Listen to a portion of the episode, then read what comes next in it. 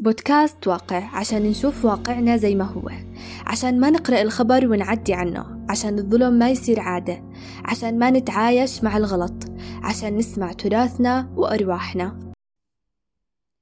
وإحنا صغار بس كنا نتساءل عن تصرفات الناس. كانوا يحكوا لنا بس تكبروا تعرفوا. وأتوقع بلشنا نعرف. بلشنا نعرف إنه الناس مش منيحة ومش آمنة وإنه إحنا كتير كتار على هذا الكوكب. وحرفيا كل واحد فينا بيختلف عن التاني بكتير أشياء. بس المختلف بيننا وبين أي جيل تاني إنه بس وعينا على حالنا ما كان فيها الأشياء الحلوة حوالينا. الأجهزة معبية الدنيا بطريقة سلبية. جرائم القتل اتجاه النساء والأطفال أرقامها بالهبل. عفوا مش أرقام. هاي أرواح جدا مهمة عند ربنا. أوطاننا مسلوبة ونسبة وصولنا إلها جدا محدودة.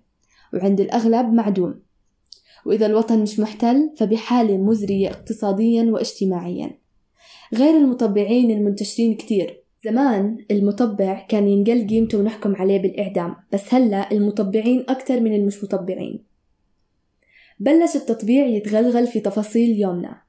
بكفيش تحط خلفية حمراء والعلم صورة شخصية على الفيسبوك وتكتب stand with Palestine وبعدها توكل ماك أو ستاربكس بكفيش أبدا لأنك بهاي الحالة بتشبه عمو أبو مازن لما يدنسوا الأقصى ويصحى من سباته ويحكي حلو عن صدورنا ويرجع ينخمد.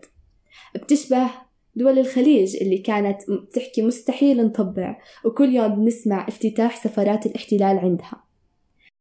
التطبيع مش بس تعترف بالاحتلال وتبني له سفارة. التطبيع إنك تتقبل فكرة الحواجز بالبلد وتشتري من منتجاتهم عادي. إذا مش عشان تأثر فيهم عشان ما تبقى من كرامتك. وعشان فعلا تكون ستاند with الاحتلال مش رح يزول طول ما أنت مستخف كرامتك وبترضى حالك تشتري منهم. المهم نرجع لموضوعنا. خلينا نعترف إنه ما انخلقنا بفترة زمنية لطيفة والناس اللي هو إحنا أسوأ إشي بالمكان. الناس اللي بتكون بحاجتها وببساطة بتختفي. الناس اللي بطلت تحسب وجود الله وظالمة للإسلام وبتشوهه بأفكارها الوسخة وفي ناس الأنانية اللي أهم إشي عندها حالها ومصالحها. أما مصالح الناس فمش مهمة.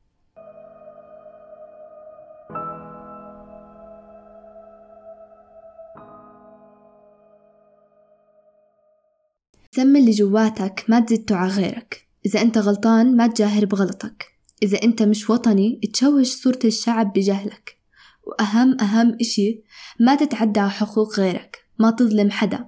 ما تتحكم بحياة حدا.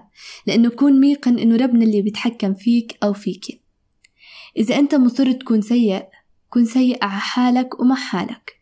بلهجتنا تكبش بلاك على الناس. صدقوني لو كل حدا احتفظ بسوقه لنفسه كان ما تعددت الكتب اللي بتوصف زمننا البشع وكان في أمل وتقدم للأمام مش رجعة لورا. بدي أختم بجملة للوطن كالعادة. أنا ما حوقف أحكي عن الوطن بكل حلقة بحكم أني فلسطينية مغتربة من 73 سنة أرض وشعبي منكوب ومسلوب مني حياة كاملة. أتوقع حقي. وواجب علي وعليك وعليها.